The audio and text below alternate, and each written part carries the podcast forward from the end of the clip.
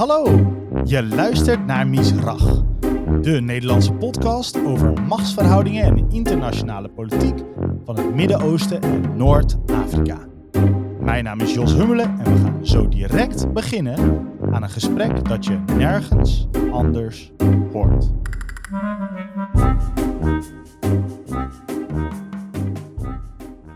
Hamas is een organisatie die is ontstaan uit de moslimbroederschap en sinds 2007 de macht heeft in de Gazastrook. De VS en de EU, inclusief Nederland, zien Hamas als een terreurorganisatie. Maar waar staan zij voor? Waar zijn zij actief? En is er verandering mogelijk om het leven van Gazanen te verbeteren? Deze aflevering van Misrach is een deep dive in de Palestijnse organisatie en wat deze speler betekent voor de dynamiek in Israël met de Palestijnen. Co-host is vandaag Aaron Frieler van Sidi. Assalamu alaikum Aaron. Hallo Jos.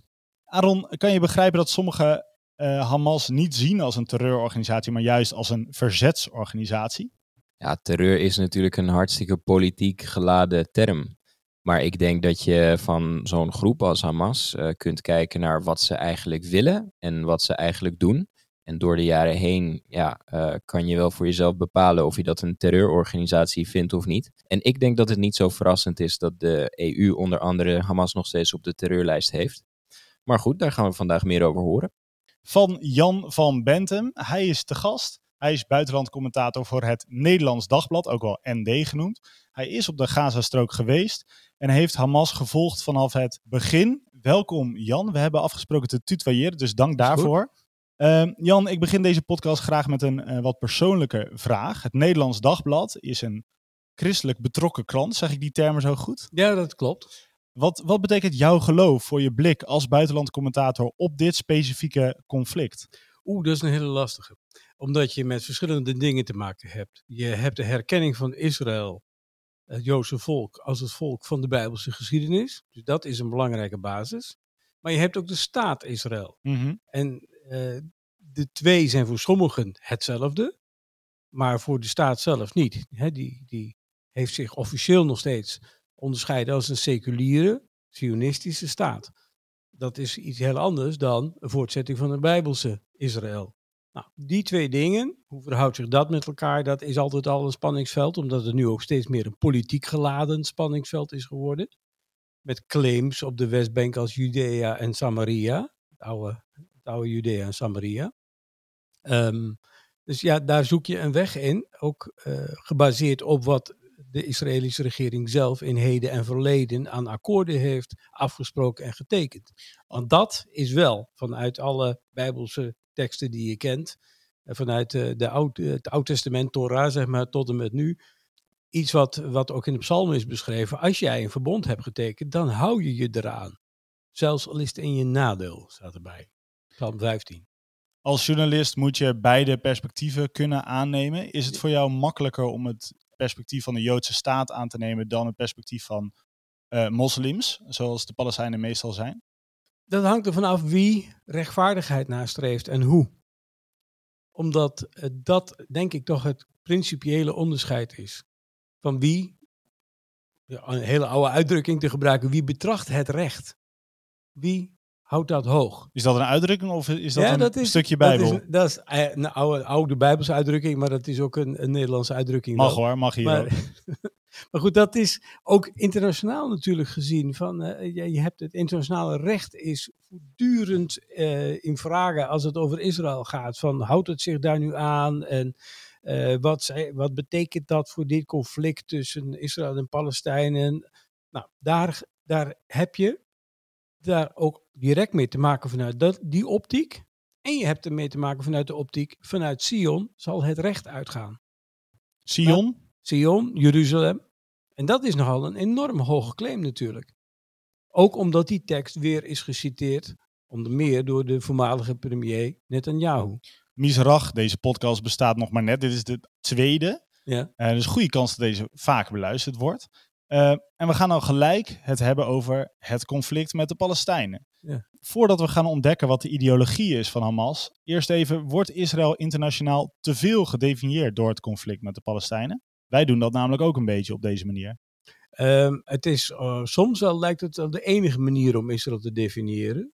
En, en vergeet je van dat er ook een werkelijkheid op de grond bestaat. Dat daar gewoon mensen leven, werken, trouwen, kinderen krijgen, eh, toekomstdromen hebben. En dat geldt aan de oostkant van de, van de muur. Dus eh, Israël, zeg maar binnen de grenzen van 67, zoals er vaak wordt gezegd.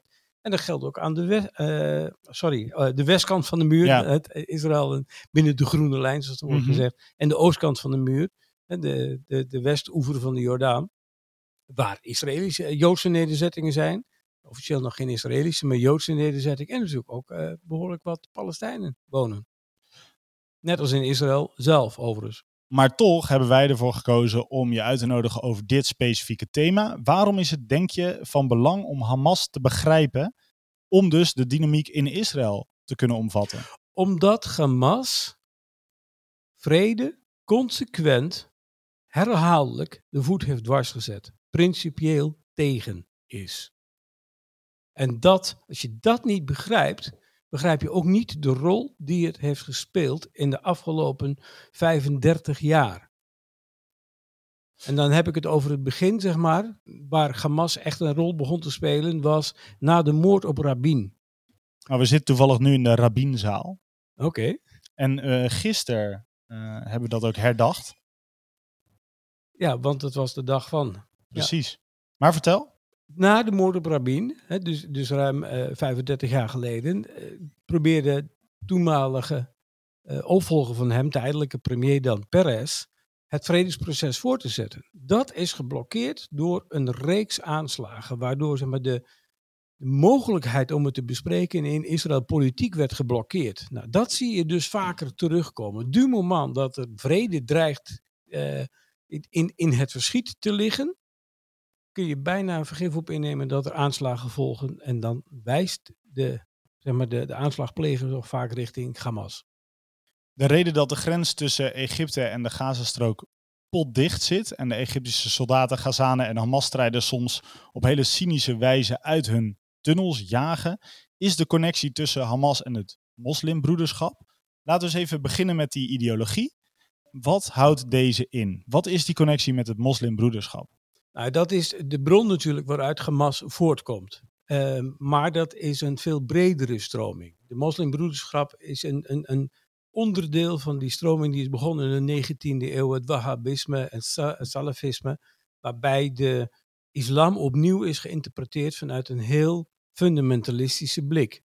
Nou, dat zie je in meerdere landen. Kijk, al-Zawahiri, de huidige leider van Al-Qaeda, is niet voor niks afkomstig uit Egypte. Dus die, die, die links die lopen door het hele Midden-Oosten heen. Hamas is daar een exponent van. En Hamas zegt het ook in zijn handvest. Dan niet het oude handvest, maar het nieuwe handvest van 2017. Die heb jij mee, toch? Dat heb ik bij me. En daar staat ook heel nadrukkelijk beschreven dat de islam natuurlijk de kern van hun denken is. En dat vanuit die visie wordt gekeken naar Palestina als een van de belangrijkste bezittingen van de islam. Parel in de bezit van de islam enzovoort. Wat een onvervreemdbaar eigendom is. En wat ook absoluut nooit mag worden opgegeven. Nou, daar zit je dan al bij de ideologische achtergrond van Hamas in deze problematiek. Kun je een stukje voorlezen of zo? Waar je, waar, waar, waarbij, waarbij je denkt, hier, dit is een heel centraal stuk, hier gaat het echt mis. Of hier botst het per definitie al met de belangen van mensen die daar ook een bestaan willen opbouwen. Ehm, ja, dat, het is een heel lang document, dus als je die vraag exact zo vraagt, dan moet ik heel eventjes eh, scrollen door het geheel heen. Maar in ieder geval, hier staat direct al bij, de, eh, bij de, het begin, Palestina is het land van het Arabische Palestijnse volk, waarvan zij vandaan komen, waar ze toe behoren en wat altijd van hen zal zijn. En het is ook een land waarvan de status wordt bepaald en op een hoger niveau is gezet door de islam. Uh, en dat het ook in de islam in een heel hoog aanzien staat. Ik vertaal het nu vanuit het, uh, vanuit het Engels direct. Wat staat in een hoog aanzien? Dat gebied. Uh, Palestina. Ja. ja. Palestina is een binnen de islam heel belangrijk Ja. gebied, zeggen ze. En het is ook de plicht van de hele Umma, dus de hele moslimgemeenschap in de wereld, om dit gebied weer te bevrijden, zodat het weer aan de islam zal toebehoren. En dan, omdat de islam uh, volgens Hamas een tolerante religie is, mogen er ook anderen wonen. Want, zeggen zij, de strijd is niet met de Joden vanwege hun geloof, maar met de Zionisten vanwege hun project in Palestina. Het woord Israël zul je ze niet horen gebruiken. In het vorige handvest werd wel het woord Joden nog gebruikt, klopt dat? Uh, nou ja, hier ook. En ze zeggen dus ook, wij zijn, hè, onze strijd is niet tegen de Joden vanuit als een religieuze gemeenschap, maar met de Zionisten die dit land bezetten. Daar is het onderscheid. Oké, en dat was in het vorige handvest ook zo? Dat was in het vorige handvest ook zo, ja.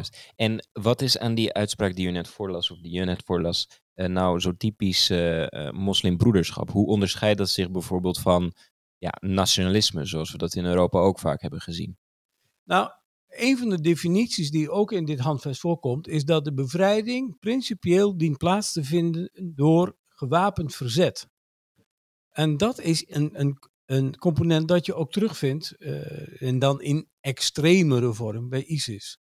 En die heeft ook een, een document uh, opgeschreven eh, in een van zijn bladen van waarom zijn we nou in oorlog met het Westen? En waarom islam? Waarom is de islam de religie van het zwaard en niet van de vrede? Nou, dat, de gedachte van ISIS was volledig extreem doorgetrokken. De islam kan alleen worden verspreid via het zwaard. Punt. Dat gelooft Hamas niet in die vorm. Maar Palestina moet wel worden bevrijd. Waarbij de, het gewapende verzet het middel is. Intussen hoorde je de bel afgaan. We krijgen nog wel eens bezoek, dus dat is op zich gezellig. Ik hoop niet dat het je heeft gestoord als luisteraar. Um, je had het over geweld, dat centraal is in die ideologie. Um, maar als je ziet dat je zoveel zwakker bent, bijvoorbeeld inmiddels als de Israëlische, uh, als de staat Israël, waarom is dat dan toch blijvend aantrekkelijk? Kan je dat niet, ja, waarom is het zo moeilijk om dat af te zweren? Dat vind je niet in het handvest terug, maar wel in allerlei uitspraken van Hamas-leiders. Wanneer je sterft in verzet, is dat het gezegende martelaarschap. Mm. Iedereen die sneuvelt, wordt automatisch martelaar genoemd. Uh, de hu huidige Hamas-leider heeft bijvoorbeeld na de dood van een aantal uh, Palestijnen die op de Westbank een uh, aanslagen voorbereiden in, in Jeruzalem-omgeving, heeft hij de ouders persoonlijk gebeld om ze te condoleren, maar ook ergens te feliciteren met het heilige martelaarschap van hun zoon.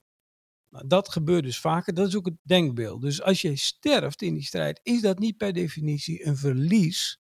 Het is in hun religieuze beleving voor een deel ook winst. Want jij wordt gezegend door Allah. Is dat nou net de crux waardoor wij het in Nederland vaak niet goed begrijpen? We kunnen dat niet snappen. We kunnen daar met ons hoofd niet bij. Dat staat buiten ons denkwereld.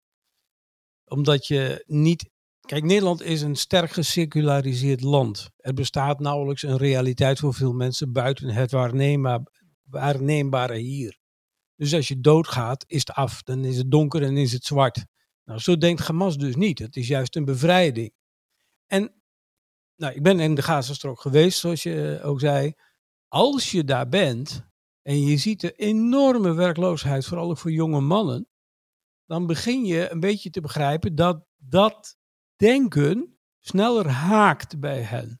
Het leven is niet hier, het, het leven, is, is niet daar. Ja, en dat, uh, dat is niet alleen daar hoor. Ik bedoel, Beatrice de Graaf, een bekende uh, hoogleraar, ja, heeft van de ook, Universiteit Utrecht ja, over die heeft terrorisme. Ook een, heeft een boek geschreven over waarom doen ze dit nu.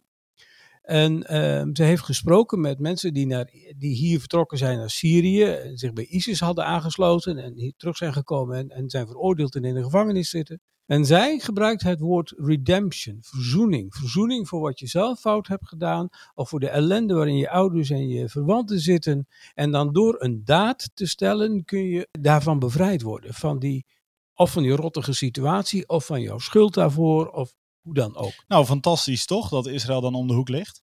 Um, nou, dat klinkt wel heel plat. Nou, ik wil uh, eigenlijk maar, vragen, hoe kijkt Hamas naar de staat Israël? Oh, dat is een racistische koloniale onderneming bedoeld om het Arabische volk eronder te krijgen. Daar geplant door de westerse koloniale machten. Het is een van de laatste restjes van kolonialisme en dat moet snel worden opgeruimd. Dus heb ik het even heel kort door de bocht samengevat. Maar goed, die... En dat staat letterlijk zo ook in het handvest. U mag nalezen. It's all there. Je mag jij zeggen hoor. Ja. dat eh, hoor ik in Nederland ook nog wel eens. En dan van minder radicale groepen dan Ja. Hamas. Nou ja, kijk, eh, dat is natuurlijk hoe je gaat kijken naar Israël. Israël is geen bedenksel natuurlijk, maar het is wel het grote Britse Rijk geweest dat de Balfour Declaration in 1917 heeft geformuleerd, waarin werd gesproken over een Joods tehuis in Palestina. Eh, Palestijnse terroristen overigens waren tot en met 1948, toen de Britten opkrasten, Joodse eh, eh, strijders. Hè? Ja. dus dat begrip Palestina moet je, de- ja, moet je in je achterhoofd houden. Dat is pas in de jaren 50 gewisseld van Joden naar Arabieren. Maar goed, de, dus de, de, de Britten hebben dat gedefinieerd. De Volkenbond heeft het in 1922 nog eens een keer uitgesproken. Dan heb je daarna de Tweede Wereldoorlog in 47 de resolutie van de VN Algemene Vergadering gehad, waar overigens alle Arabische landen tegen hebben gestemd. Maar daar was de meerderheidsstem. In de VN-veiligheidsraad zou je een veto kunnen hebben gehad van een andere machthebber, dus dan is het ook een, daarom ook Algemene Vergadering. Ehm, geen van die verklaringen wordt door Hamas erkend. Ze worden ook nadrukkelijk met naam verworpen als null and void. Zo staat het er in de Engelse versie van Hamas. Nietig en niet geldend. Dat was het antwoord op jouw vraag hoe Hamas naar de staat Israël kijkt. Daarom, Ja. Vandaar dat je even naar de eh, geschiedenis, de geschiedenis induikt. Ik hoop voor onze Ja, omdat luisteraar... zij, dat zij dat dus ook zeer nadrukkelijk doen. Ja, Ik bedoel, dat, dat is niet wat ik doe, maar dat doen zij. nee, in- maar in dat is ook hartstikke goed dat je dat even laat zien. Eh, maar we komen daar zo meteen ook nog een klein beetje op terug. Maar hoe kijkt Hamas naar Joden meer in het algemeen? Oh, dat is vergelijkbaar voor een deel met hoe ze naar christenen kijken. Namelijk, er is ruimte voor hen om te leven in een regering onder Hamas wanneer ze zich voegen naar de islamitische regels. Dan zou je kunnen gaan denken als een eh, positie als Jimmy. Hè, dus de Jimmy, de, dan betaal je een bepaalde belasting en daarmee wordt jouw veiligheid gegarandeerd door de heerser die jij Onder de Ottomanen was dat zo. Onder de Ottomanen was Ah. dat ook zo, ja. Dus die oude situatie, maar je hebt geen zeggenschap. Want je bent niet echt maar een vertegenwoordiger van de islamitische staat Ja. die Hamas daar wil. En daar was het de Joden, de Zionisten, die de eh, staat Israël wilden oprichten. Nou, precies om te doen. Dat je wel zeggenschap hebt. Ja, nou, dat is in principe een democratische staat. En daar kom je bij een heel andere discussie nog weer. Hoe hou je een Joodse, democratische staat overeind in dat gebied als je bijvoorbeeld de Westoever erbij inbetrekt en je alleen al in het gebied zelf een één op één verhouding zou krijgen tussen Joodse inwoners en Arabische inwoners, die dan Palestijnen worden genoemd. Goeie tip voor, de, voor een latere podcast, Aaron. Ja, zeker. Volgende gast. Gaan we doen. Dat, dat is bijvoorbeeld de reden waarom, een van de redenen waarom Sharon, en voormalig premier Sharon in 2005, zei: we moeten weg uit de Gazastrook. A. Onze rol als bezetter maakt, tast onze moraliteit aan, ons morele denken. B. We moeten ergens ons losmaken van de Palestijnen, omdat we willen overleven in een Joodse, democratische staat, wat alleen kan met een Joodse meerderheid. Zometeen ga ik je vragen om in één minuut vanaf dat moment, hè, de terugtrekking ook van, eh, van verschillende nederzettingen op de Gazastrook in de tijd van Sharon naar het, nou, naar nu, zullen we maar zeggen, even in grote slagen. Maar nog eventjes over die ideologie. Want wat is de routekaart van Hamas naar hun ideale samenleving zoals je die net beschreef? Dat is één. Een pa- ehm, ja, d- daar is een kleine verandering in geworden. Dat is dan daar het handvest van eh, 2017. Anders is dan het oude. Er is ruimte voor een nationale consensus, zoals ze dat dan noemen. Dus een overeenstemming met de Palestijnse autoriteit slash de PLO. Op basis van een onafhankelijke Palestijnse staat in de gebieden eh, buiten de groene lijn. Dus de, de lijn van juni 67 voor het uitbreken van de Zesdaagse Oorlog.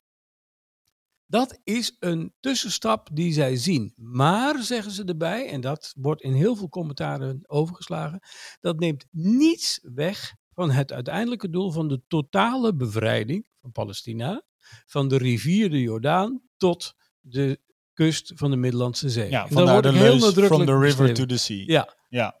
Dus eh, dat, er is een tussenstap, maar uiteindelijk het doel is die volledige bevrijding. En het uiteindelijke middel zal gezien de verwachte zionistische weerstand, zoals ze die beschrijven, het gewapend verzet zijn.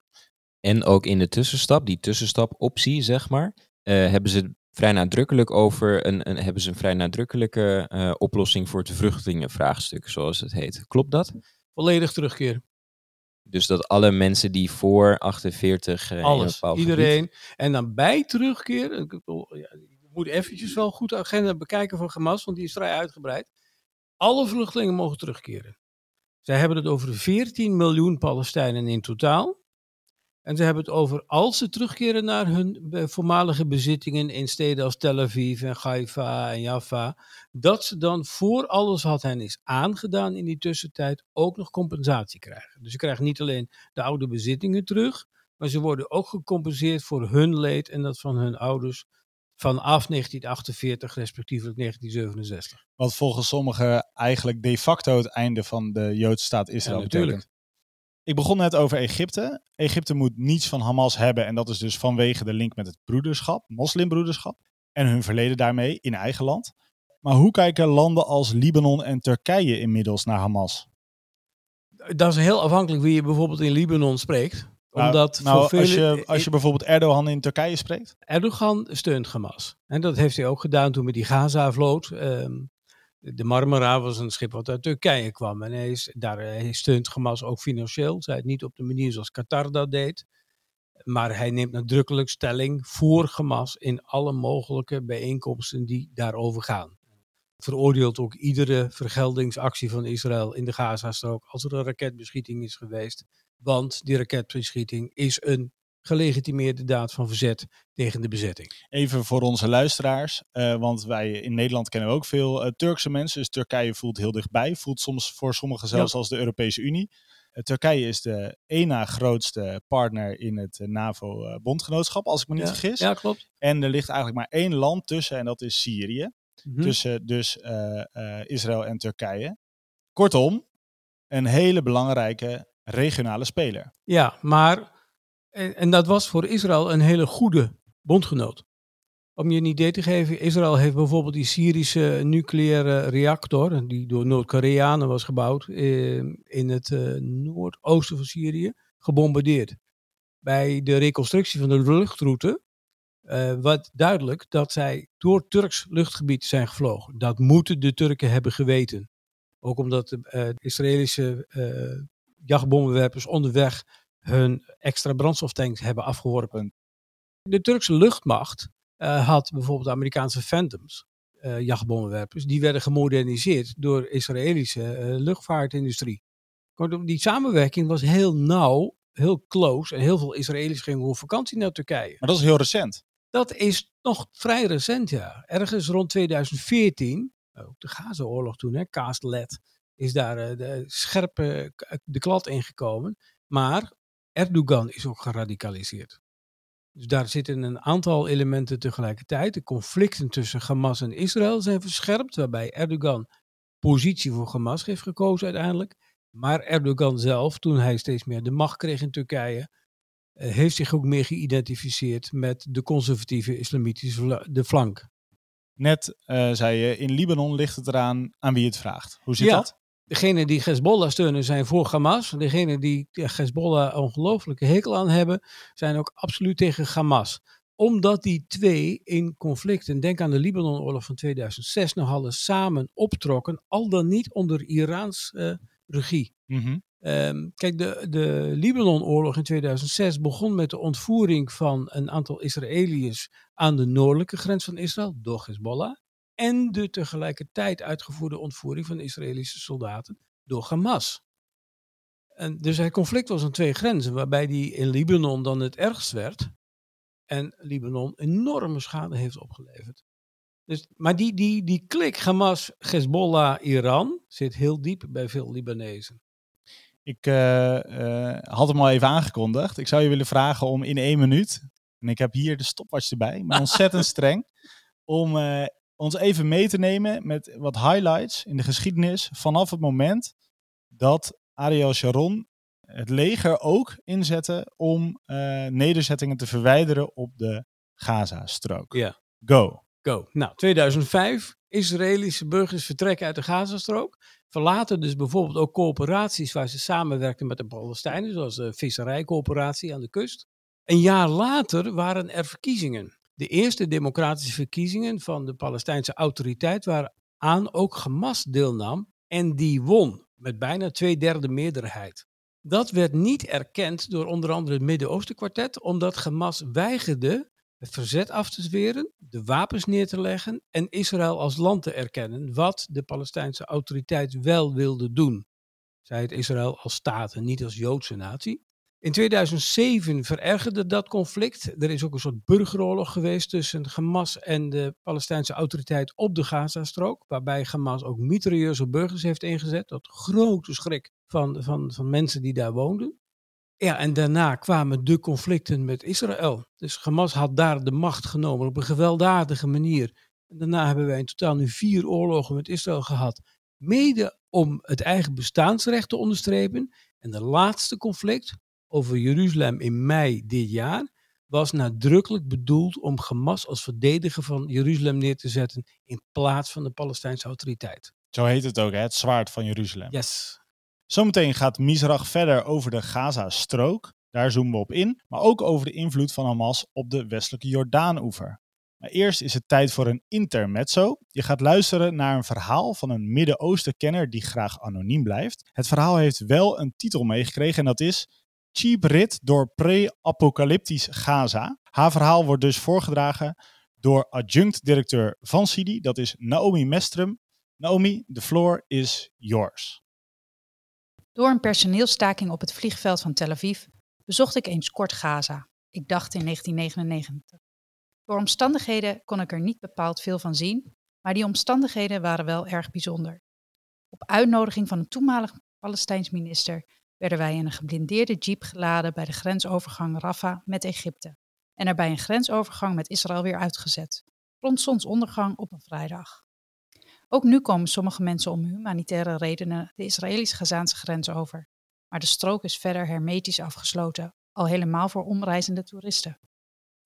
Ik zou op bezoek gaan bij een familiefeestje in Israël met mijn vader. Wij zouden van Schiphol via Parijs vliegen.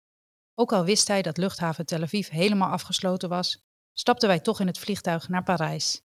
In die tijd gebeurde het wel vaker dat Ben Gurion door stakingen plat lag. En dat kon soms kort en soms lang duren. In dit geval zou het dagen duren, dus wij hadden pech. Eenmaal in Parijs werd dat pas duidelijk. Mijn vader eiste van Air France tickets naar Cairo, waar vandaan we wel even een taxi zouden nemen. Na lange en luide onderhandelingen kreeg hij die. In de rij bij de balie stond ook een man die niet zo goed geholpen werd. Deze man moest ook naar Tel Aviv, maar had minder ervaring met schreeuwen tegen Franse klantenservices.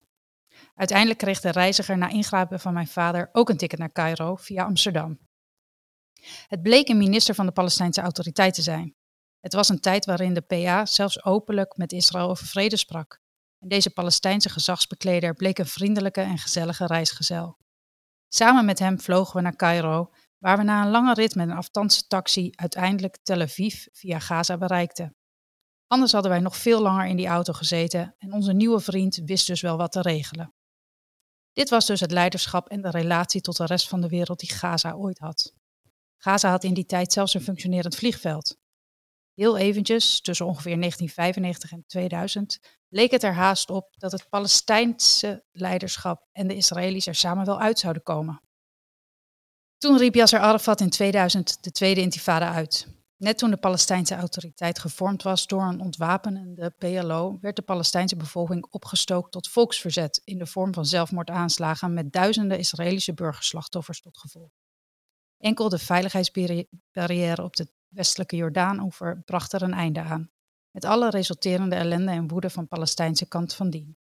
Uiteindelijk leidde populaire gewapende woede er ook nog toe dat de ontwapende Palestijnse autoriteit aan populariteit inboette ten koste van de oprecht fanatieke terreurgroep Hamas. Deze nam in 2007 in Gaza de leiding nadat Israël zich uit het gebied terugtrok om er maar vanaf te zijn. Daarom zal Hamas niet snel het voorbeeld van de PLO volgen en zich ontwapenen. Zij weten hoe ze, zich, hoe ze zelf aan de macht zijn gekomen. Zij ontlenen bovendien vooral legitimiteit aan hun terroristische activiteiten, waarmee zij zich als verdedigers van de Palestijnen opwerpen. Naar aanleiding van rellen in Jeruzalem afgelopen mei lanceerden zij raketten op de Israëlische hoofdstad en veroorzaakten zo een Gaza-oorlog. Hierdoor blijft Gaza voorlopig een hermetisch afgesloten terreurstaatje. Er is nieuw Palestijns leiderschap nodig dat Palestijnen zowel in Gaza als op de Westhoever ervan kan overtuigen dat zij weer met de Israëli's moeten praten. Dat men doorkrijgt dat from the river to the sea niet gaat gebeuren en zeker niet door geweld. Slechts dan zullen Palestijnen weer opnieuw zomaar de Gazaanse grens kunnen oversteken en zal er weer een taxi naar Tel Aviv klaarstaan voor ze. Gibrit door pre-apocalyptisch Gaza. Dankjewel Naomi Mestrum. Uh, Jan, heb je een reactie? Ja, ik ben dan meer door het apocalyptische Gaza gegaan. Uh, maar inderdaad, uh, ik sprak na mijn bezoek aan de Gazastrook ook uh, bijvoorbeeld met Aviel Snyder. Is de hoofdredacteur van Israel Today, een blad dat daar uitgegeven is. En op dit moment vrij, laten we zeggen, nationalistisch Israëlisch is.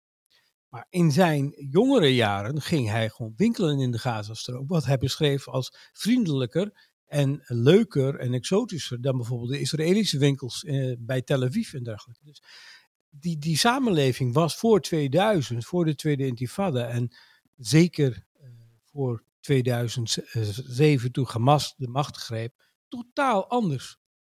En nu is het helemaal afgeschermd. Ik bedoel, de muur uh, die ik bekende van beelden van Jeruzalem is al lang zo bij Eretz, die, die uh, grensovergang voor, voor passagiers dan richting Israël. Dat enorme hekwerk waarmee de hele Gazastrook is afge, afgesloten. Aaron, uh, kun jij iets voorstellen hoe uh, Gaza-stad en de Gaza-strook eruit zag voordat, voor 2007?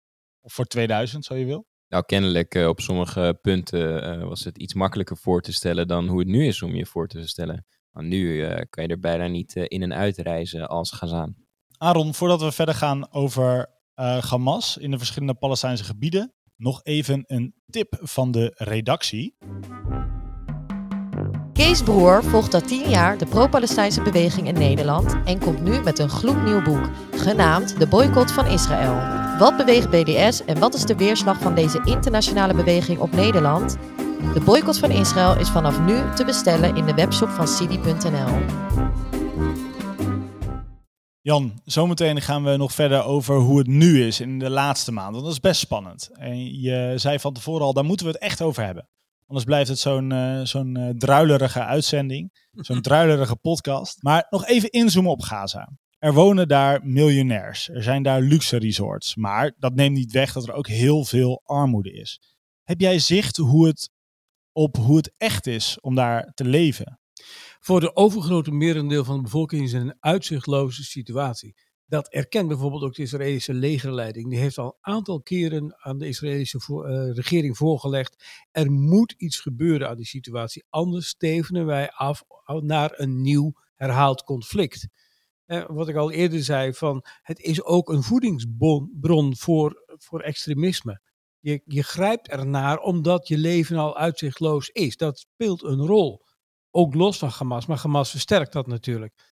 Is wat jij noemt de menselijke infrastructuur voor vrede, vond ik een mooie term van je, las ik ergens, is dat nog aanwezig in Gaza? Ja, die is er nog. Uh, om een voorbeeld te geven, je weet van het bombarderen van het EP-kantoor uh, ja. in, uh, in Gaza bij het laatste conflict in mei. Moet je even die, uitleggen, EP is Associated, Associated Press. Press. Um, de Associated Press correspondent in dat gebied is Fares Akram. Die ken ik persoonlijk van mijn bezoek aan de Gazastrook. Hij is de laatste die uit het gebouw vertrok toen de melding kwam dat er gebombardeerd zou worden. Je moest binnen 10 minuten moest alles weg. Dus ze hebben ze gek geprobeerd uh, camera's en alles eruit te halen. Dan moet je ook even en, uitleggen. Dus er was sprake van doornokking. Er was sprake van een waarschuwing. En, en ook een tijdslot van je moet binnen 10 minuten weg zijn. En, nou, dat was het toch ongeveer. Ze hebben er maar wat uit weten te krijgen. En toen was het gebeurd met het gebouw. En toen hij in de kelder kwam, bleek dat zijn auto de laatste was die er nog stond. Dus hij is met de bloedgang vertrokken. De dag erop schreef hij mee aan een artikel waarin hij Hamas weer beschuldigde van het afschieten van raketten op Israël als een van de oorzaken van het conflict. Want dan krijg je weer vergelding van Israël. Waardoor hij net zijn kantoor achter zijn gat aan Florida was geschoten. Dus ja, hij verwijt Israël dat ze het kantoor hebben verwoest. Want volgens hem was er absoluut geen Hamas aanwezig in dat, uh, in dat uh, gebouw. Wat Israël dus stellig zegt. Maar nog geen beelden van heeft laten zien. En nee, hij weigert zich erbij neer te leggen dat er geen uitzicht zou zijn. En dat is een voorbeeld van, van Zo iemand. die- iemand denkt na, ziet dat er meer kanten aan het conflict zitten. En zodra je dat kunt zien, kun je je ook verbeelden dat er een weg uit is. Anders dan wat bijvoorbeeld Gawas wil. Ja, journalisten moeten zo objectief mogelijk zijn. Ja, maar je woont er ook, je leeft er. Heeft zijn gezin naar Canada gestuurd voor, voor hun veiligheid. Vaak gaan artikelen ook over Gazanen die gesproken worden, die men spreekt. Ja. En dan vraagt van, wat is er gebeurd? In hoeverre kunnen zij vrijuit spreken? Dat zie je ook in heel wat verslagen terug, dat ze dan toch wel schuchter zijn om dat te doen. Maar vergeet niet dat meer dan de helft van de bevolking van de Gazastrook het ook niet op Hamas heeft. Ook toen bij de verkiezingen was een groot deel die niet per se voor Hamas was. Ook Een derde zei je net. Hoe is dat nu ongeveer? Nee, meer dan een derde. Eh, toen, kijk, Hamas heeft gewonnen met dik 60%. Maar er waren heel veel proteststemmen eh, onder. Die dachten wij stemmen Hamas om de Palestijnse autoriteiten een lesje te leren dat ze niet door moeten gaan met die corruptie. En tot hun schrik won Hamas. Dat was nooit de bedoeling geweest. Ik sprak ook met Marwan El Koel, dat is ook een, een programmamaker die daar woont. Had ook op Hamas gestemd. En zat gewoon te schelden in zijn auto nu op die club. Omdat die de hele toekomst van de Gazastrook verwoesten. Je ziet dus dat die corruptie van de PLO een belangrijke factor is geweest. Waarom Hamas de macht daar heeft gekregen. Dus we weten niet precies hoe het zit met de steun voor Hamas, bijvoorbeeld in de Gazastrook. Dat kun je nu niet meer onafhankelijk onderzoeken. Echt Nee, niet precies. echt onafhankelijk. Er zijn best wel aanduidingen. Het zou nog de meerderheid hebben. Omdat de Fatah-partij verdeeld is geraakt. En daar profiteert Hamas van. Stel dat er bijvoorbeeld op de Westbank hè, eh, ook verkiezingen zouden komen. Dan kan Hamas aantreden als één partij. Maar de anderen zijn verdeeld. En Dus de Fatah-partij heb je. Dan heb je nog andere liberale partijen. En dat is dus niet een eenheid. Dat be- kan betekenen dat zij in het stelsel wat er is, dus is een, een soort tweeslag eh, verkiezingsstelsel waarbij je rechtstreeks en indirect kiest, dat de Hamas eh, weer overtuigend zou winnen. Hoe zit het met de repressie in het dagelijks leven van mensen in Gaza? Behoorlijk. Ik bedoel, lees er eh, de verslagen over na, ook van mensenrechtenorganisaties. Human Rights Watch, die stellen dat met enige regelmaat aan de kaart. Dat eh, de vrijheid er daar niet echt is. Eh, overigens geldt dat in zij mindere mate ook op de Westbank. Want ook daar worden dissidenten opgepakt, journalisten belemmerd. Ook daar is de pers voor een deel gelijkgesteld. Denk bijvoorbeeld aan Ma'an News, een heel belangrijk Palestijns persagentschap. Dat is ook een paar jaar geleden al onder de regie van de Palestijnse autoriteit gekomen. Maar misschien word je niet opgehangen als je, zoals ze dat dan noemen, collaboreert met Israël. Wat geloof ik gisteren is aangekondigd. Eh, dat gebeurt in, eh, op de, eh, in de Gazastrook wat sneller en effectiever dan op de Westbank. Daar word je dan misschien wel ter dood veroordeeld, maar de effectieve executie niet uitgevoerd. En wat hebben die ter dood veroordeelden dan misschien gedaan?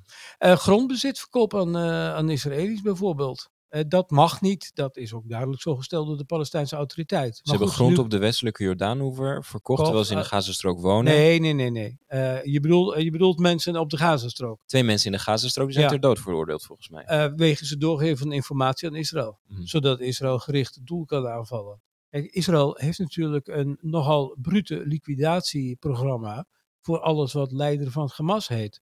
Als genieën in het openbaar zou rondlopen, dan is zijn overlevingskans niet erg groot. Dus men leeft op verschillende adressen. Als je het lijstje bekijkt van Hamas-leiders wat is geliquideerd, dat is vrij indrukwekkend.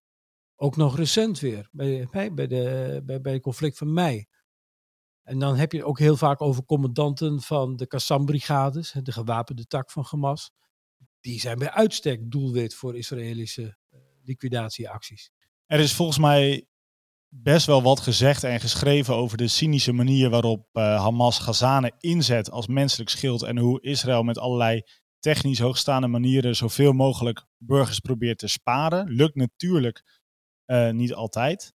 Eh, maar ik kan me voorstellen dat Palestijnen dit niet altijd maar blijven pikken. Ik bedoel, voor het karretje gespannen worden van zo'n extremistische beweging heeft toch ook een houdbaarheidsdatum? Hoe kijk jij daar tegenaan? protesten tegen is lastig. Is, komt wel degelijk voor. Er zijn wel, eh, wel protesten geweest tegen eh, bijvoorbeeld het plaatsen van wapens eh, dicht bij scholen en dergelijke. Wapens, de- dus raket, Raketten. eh, Eh, lanceersystemen. ook de UNRWA, hè, de, de organisatie van de VN die dan hulp verleent aan de Palestijnse kampen daar. Ja, voor de mensen die dit alleen maar gelezen hebben, dat is dus UNWRA. Ah, ja. Ja, Nou, dat is een organisatie die al 60, 70 jaar bestaat, zo'n beetje, om, om Palestijnen eh, te helpen die hun huis en haard zijn verloren in 48, 49.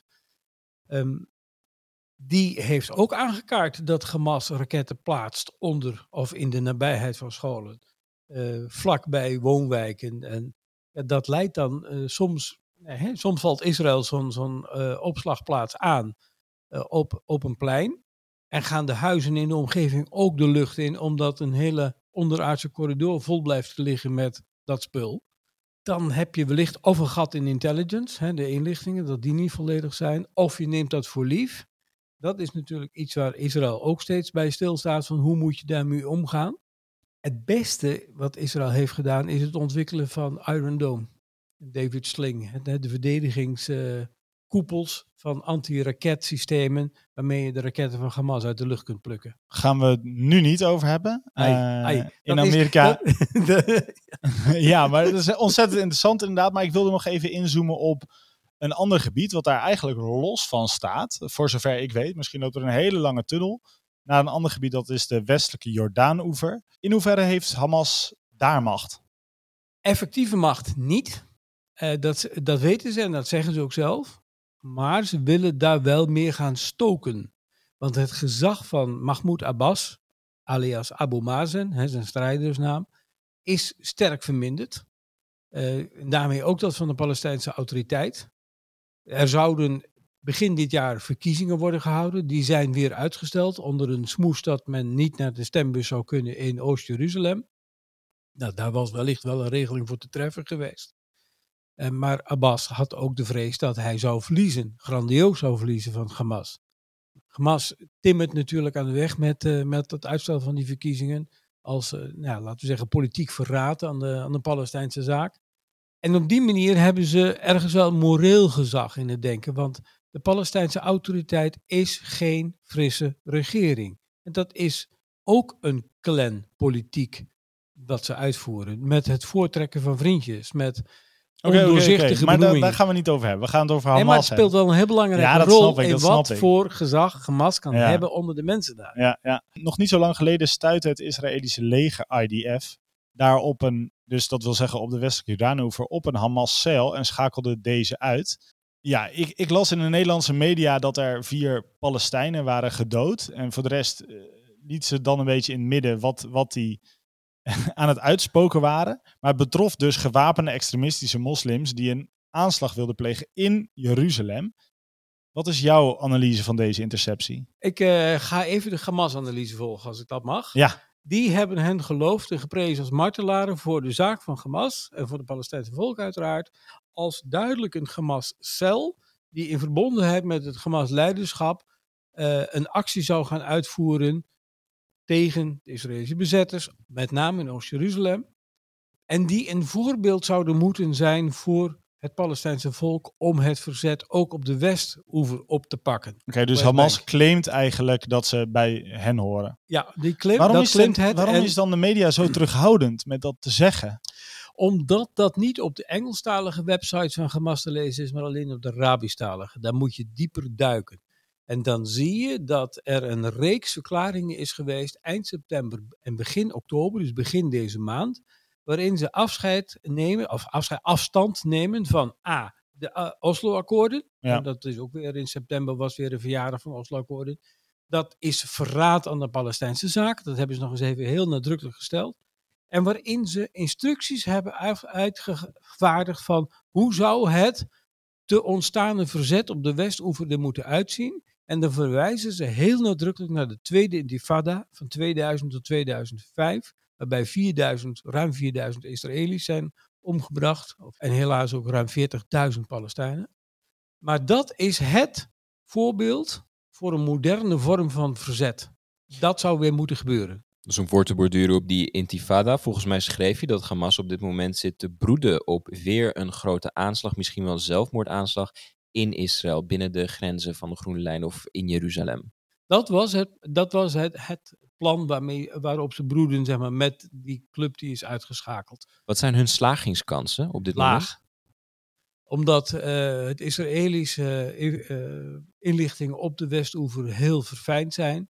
Er een toch tamelijk goede samenwerking is gebleven met de Palestijnse veiligheidsdiensten. Eh, waar ook in geïnvesteerd is. Waarin, waarover weer overleg is geweest, ook tussen minister van eh, Defensie Gans en de Palestijnse autoriteiten. Hij is daar op bezoek geweest, heeft ook met Mahmoud Abbas gesproken. Er is overleg met Egypte over inlichtingen over Hamas in de Gazastrook, maar ook wat die op de Westoever zouden kunnen betekenen. Hamas wordt door iedereen geïdentificeerd als het gevaar voor welke toekomst, voor wie dan ook. Ik wil nog even vooruitkijken met je. Als Israël wil, kan zij Hamas dan uit het zadel wippen, volgens jouw analyse? Ik heb erover gesproken met Efraim Galevi, voormalig hoofd van de Mossad. En die bracht het terug tot de simpele vraag. Wil je van ze af of wil je ze met ze praten? Hij zegt, als je niet met ze wilt praten en je wilt wel van ze af, dan zul je een verschrikkelijke actie moeten uitvoeren in de Gazastrook, die onmenselijk is, die gewoon veel te ver gaat. Dat ga je niet doen. Blijft maar één optie over. Ga Praten. praten. Hoe dan ook. Maar probeer ook tegelijkertijd, als de boodschap van, het, eh, een van de diverse bevelhebbers van het Israëlische leger, en ook van nu de minister van Buitenlandse Zaken, Yair Lapid, met zijn plan voor de Gazastrook, wat hij eind vorige maand of net begin deze maand. Wil je dat even vertellen, wat, wat zijn plan is? hij heeft een, een, een, een soort vredesplan, herstelplan gepresenteerd. Dat moet dan enige miljarden bedragen voor herstel van eerst de infrastructuur, energievoorziening, waterzuivering. Gazastrook. Op de Gazastrook. Maar dat is hypocrisie.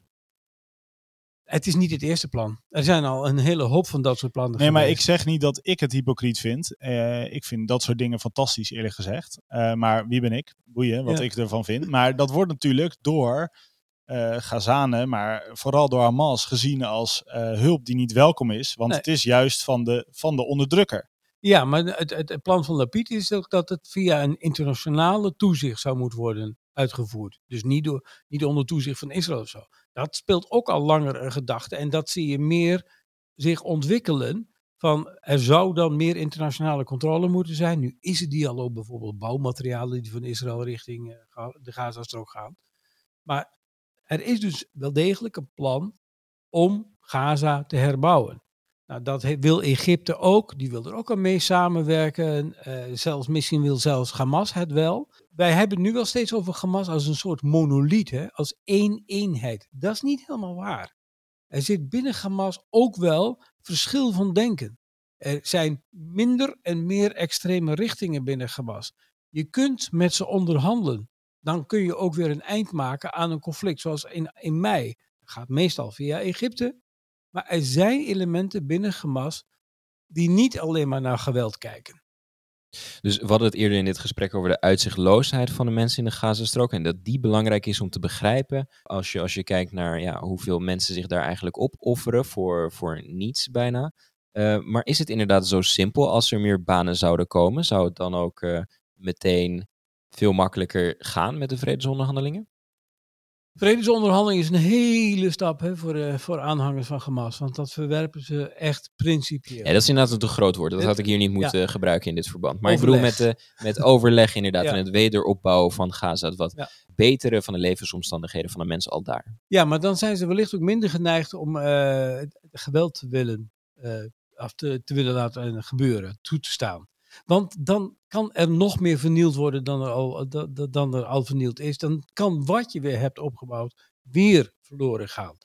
En dat is natuurlijk het denken aan internationale kant, ook Israël. Van als je ze een toekomst biedt en ook een, een, een echte iets tastbaars, dan bereik je wellicht ook een, een omwenteling in het denken. Van jongens, dit moeten we toch niet nog een keer gaan opblazen met weer raketten schieten. Maar als ik dit zo hoor, dan zou ik denken, wat, wat staat er nog in de weg? Het is een win-win voor werkelijk iedereen. Voor de mensen in Gaza, voor Hamas en voor Israël. Tenzij jij er ideologisch van overtuigd bent dat alleen door geweld Palestina kan worden bevrijd. Heel Palestina, van de rivier tot de zee.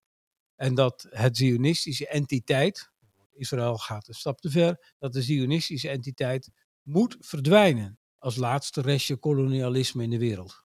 Dus Hamas is geen monoliet, maar hoe ze hier precies in staan, dat zullen we de komende tijd moeten merken. Dan zie je helaas dat in het huidige leiderschap, dat is net vernieuwd, uh, de iets meer extremistische groep op dit moment de touwtjes in handen heeft. Dat is jammer, want er zijn mensen die wel denken van we kunnen hier niet eindeloos mee doorgaan. Maar wat is dan het plan van Lapid om, om dat op een of andere manier... Want hij wordt, uh, wat is het, uh, binnen twee jaar uh, de minister-president. Ja. Hij wil dit natuurlijk laten werken. En ook liefst binnen zijn termijn. Ja, hij is er in overleg mee over geweest met de Europese Unie, met de Verenigde Staten, met Rusland, met Egypte, met andere Arabische landen. En die steunen dit. Maar je moet ergens een plek op de Gazastrook vinden bij mensen die hier aan mee willen doen. Die willen erkennen dat er internationaal toezicht nodig is om de mensen daar een toekomst te bieden. En dan zou je weer kunnen gaan denken over het herstel van de haven, over meer visserijrechten, verder op zee mogen varen, uh, heel misschien zelfs uh, ooit weer een luchthaven, uh, makkelijker toegang tot de, tot de Westenoever. En nu is Israël enorm bang dat dat dan een soort exportroute gaat worden voor het extremisme vanuit de Gazastrook.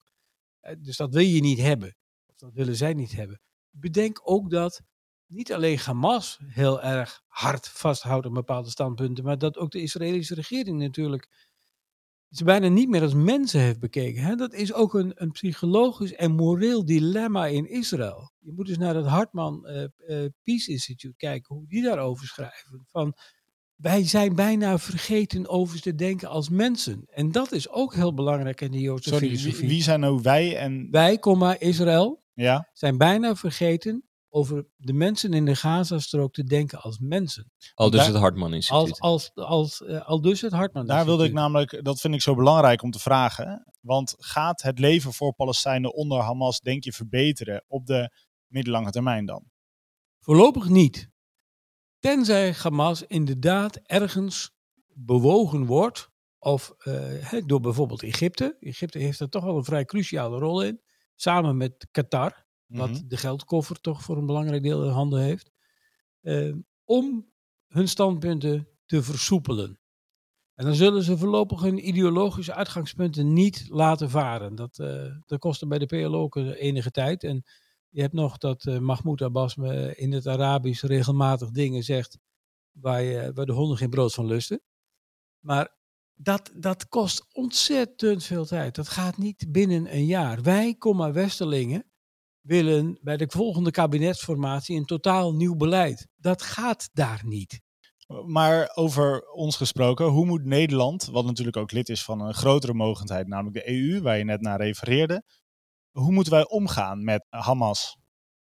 Ik denk dat je eerder je meer moet richten op de mensen in de Gazastrook. Dat je moet duidelijk Ja. maken dat er een bewogenheid met hun lot is. Want het is echt voor het grootste deel daar een armoedig leven. Meer dan de helft leeft in een bijna totale armoede. Dat kun je je moeilijk voorstellen hoe beroerd dat is. De, de voedselhulp is, en, en de andere hulp via de VN is een van de weinige manieren om nog te overleven, zeg maar je moet laten zien dat er een betrokkenheid bij hen is. Dat men wel zoekt naar een toekomst. Dat er wellicht andere wegen zijn dan raketten eh, afschieten en eh, enorme vergeldingsacties terugkrijgen, die altijd in het nadeel van de Palestijnen uitvallen. Ja, en Nederlanders moeten dus eh, zorgen dat ze het verschil tussen Hamas en Gazanen leren inzien. Dat, moet, dat, dat ten eerste. Mensen als, de mensen daar herkennen. En ten tweede, zoek naar methodes, ook politiek, om die betrokkenheid vorm te geven, om dat te uiten. Dat was mijn volgende vraag. Kijk, als Hamas daar in dat kleine stukje grond de touwtjes in handen heeft, hoe doe je dat dan als buitenlandse mogendheid? Nou ja, er wordt natuurlijk al veel gedaan door de VN. Veel gezanen zien dat wel, dat eh, onderwijs, gezondheidszorg voor een belangrijk deel ook gesteund wordt door internationale hulp. Maak dat misschien voorwaardelijker. Er is een poging geweest van de VN om dat te doen, hè, door de speciale gezant van de VN voor het conflict. De vorige gezant heeft dat ook gedaan. Ehm, dat werd niet helemaal gepikt. Dat blijft een erg lastig om je in dat gebied te bewegen, om, om je daar uit te spreken, om daar verandering te maken. Maar het is wel de enige manier, denk ik. Want anders zit je in die visueuze cirkel. En zelfs Lapid zegt, die cirkel moet worden doorbroken. Dit, ten wille van de mensen in Zuid-Israël, die ook onder uh, de dreiging van raketaanvallen leven, maar ook zeker ter wille van de mensen daar in de Gazastrook. Ja, dat is op zich ontzettend hoopvol dat zo'n belangrijk persoon in de Knesset die ja. vicieuze cirkel wil doorbreken. Nou, er is wel eens ook weer door het Hartman Instituut gezegd dat Hamas het morele, um, niet alleen een moreel dilemma, maar ook een moreel eikpunt is voor Israël. Hoe hoog hou jij de waarde van het leven ook van jouw tegenstander? En dat is een, hoe hoog heb je dat? En dat is ook een Joods beginsel. Als jij een Joodse staat wilt zijn, volgens de Joodse ethiek, volgens de Joodse waarden en normen, hoort daar ook compassie voor zelfs je tegenstander bij. En dat, nou ja, dat raakt dan weer, je vroeg van hoe kijk je er als christen naar helemaal aan het begin hier. Ja. Dat raakt natuurlijk ook weer aan begin, christelijke beginselen. Je hebt het recht je te verdedigen, maar, ga je bijvoorbeeld de christelijke theoloog Augustinus, met leedwezen over de dood van je tegenstander. Leedwezen? Dat moet je raken. Als jij iemand doodt om jezelf te verdedigen, moet de dood van die tegenstander jou raken. Als jou dat niet raakt, ben je een belangrijk deel van je mens zijn verloren. Ik geloof dat er veel te doen was uh, rondom dat conflict over een, uh, een, een, pagina in de New York Times waar portretten van alle slachtoffers aan de kant van Palestijnse zijde werden uitgebeeld. En dat dat veel ophef veroorzaakte in Israël, maar dat uh, roelerend premier Lapid daar ook over zei van dit moeten we met z'n allen gewoon niet willen. Je bedoelt ze die portretten laten zien? Nee, nee, dat, uh, dat veroorzaken van, van, juist. Ja, ja, nou dat zegt hij inderdaad, ja. Dus moet je naar een oplossing zoeken. En uh, dan heb je te maken met een, een tegenstander die, en ik bedoel, Hamas is misschien nog niet eens de ergste. Hè? Je hebt ook nog een islamitische jihad. Die heeft ook vrij veel raketten afgeschoten, soms terwijl Hamas dat niet wilde. En Hamas krijgt voor op zijn kop. Dat, is ook wel, dat, dat wil ook nog wel eens een beetje scheef lopen. En naast islamitische jihad had je zelfs een kleine ISIS-cel, een Al-Qaeda-cel op de Gazastrook. Nou, die is nooit echt uh, tot bloei gekomen, gelukkig, gelukkig. Wel in de Sinaï, waar Egypte er enorm mee te maken heeft ge gehad. Dat extremisme, dat, dat denken, dat moet je ook zien aan te pakken. Daar moet je antwoord op geven. Daar, of daarvoor moet je samenwerken met Arabische landen. Een groot deel van het antwoord moet komen uit dat wat volgens Hamas de wortel van het conflict is, namelijk de islam. En dat Palestina het totale eigendom van de islam is. Nou, er staat ook een tekst in de Koran dat Allah het land aan de Joden en de christenen heeft gegeven. Oké, ga daar ook eens over praten. En hoe gebruik je dat soort breekijzers? Daarover moet je ook gaan nadenken. Dat is veel lastiger dan een F-16 op te laten stijgen die binnen drie minuten, ik ben op een vliegveld geweest in de, in de, in de waar een piloot mij dat vertelde, zegt als wij hier full afterburner opstijgen, dan zitten we binnen drie minuten on target. Dus we moeten exact weten welke bocht we maken, waar we willen aanvallen, want je hebt geen tijd meer om na te denken. Zo snel gaat dat. Nou, dat, dat gaat veel sneller dan nadenken over hoe kunnen we dat denken veranderen. Want dat denken is de basis voor, die, voor dat geweld. Aaron, ik zag je vandaag nog bladeren in het boek over Hamas van Wim Kortenhoeven. Uh, je bent er ook als Sidiman regelmatig mee bezig, maar ik denk zomaar dat je toch iets geleerd hebt in dit uur. Welk inzicht heb je vandaag opgedaan? Ik heb hartstikke veel inzichten opgedaan, maar het allerinteressantste vind ik eigenlijk waar we het net over hadden, Jan. Namelijk uh, ja, dat dat uh, denken eigenlijk ten grondslag ligt voor dit alles. Dus uh, politici van de wereld en van het Midden-Oosten die zullen heel erg moeten nadenken over nou, hoe gaan ze dat dan technisch vormgeven. Gaan ze weer opbouwen en de mensen daar een beter leven geven zonder dat Hamas daar erbij kan gaan spinnen. Maar ja, dat extremisme dat ligt natuurlijk ten grondslag aan het conflict. En dat moet op een of andere manier dus ook uiteindelijk aangepakt worden. Laatste vraag voor jou, Jan. Eigenlijk de hamvraag. In hoeverre blijft Hamas ook in de toekomst een barrière voor toenadering tussen Israëli's en Palestijnen? Als het aan hen ligt, uh, de barrière, dat moet je, eh, en uh, als het aan Israël ligt, um, erkennen ze dat misschien net niet, niet voldoende. De enige manier om dat te doorbreken is echt met de Palestijnse autoriteiten gaan praten. En echt te gaan praten. En de tijd, de window zoals dat in het Engels heet, om nog tot een soort akkoord te komen, is erg klein geworden. Die tijd tikt weg. Als je hieruit wil komen, zul je moeten gaan praten met de andere partij. Ook al mag je dit niet, ook al vind je dat een corrupte kliek, maar ga aan tafel. Nou, hoe lang is dat niet gebeurd? Meer dan zeven jaar had niemand meer met Abbas gesproken. Gans was de eerste minister weer. Sinds, uit mijn hoofd gezegd, 2014. Ja, dat kan toch niet? Als je zo dicht bij elkaar woont en zo met elkaar te maken hebt, dan is er ook aan de Israëlische kant geweldig veel fout gegaan. Ik, bedoel, ik spreek niet alleen maar uit eigen ervaring. Ik ben ook bij eh, de voormalige eh, president geweest, Reuven Rivlin, eh, die ik zeer, zeer respecteer. Die zei ook, wij Israëli's en Palestijnen zijn niet gedoemd samen te leven. We zijn bestemd om samen te leven. Dat moeten we zien vorm te geven. Dat is onze opdracht in dit land dat we delen. Daarmee komen we aan het einde van deze aflevering van Misrach. Speciale dank aan onze gast voor vandaag, Jan van Bentem van het Nederlands Dagblad. Graag gedaan. Bedankt voor het luisteren naar deze aflevering. We willen de positie van Israël in de regio beter begrijpen en vandaag hebben we daar weer een stap in gezet. Vind Misrach op Spotify of je favoriete podcast app of ga naar ons moederschip sidi.nl. Raad deze podcast aan bij familie en vrienden. Tot de volgende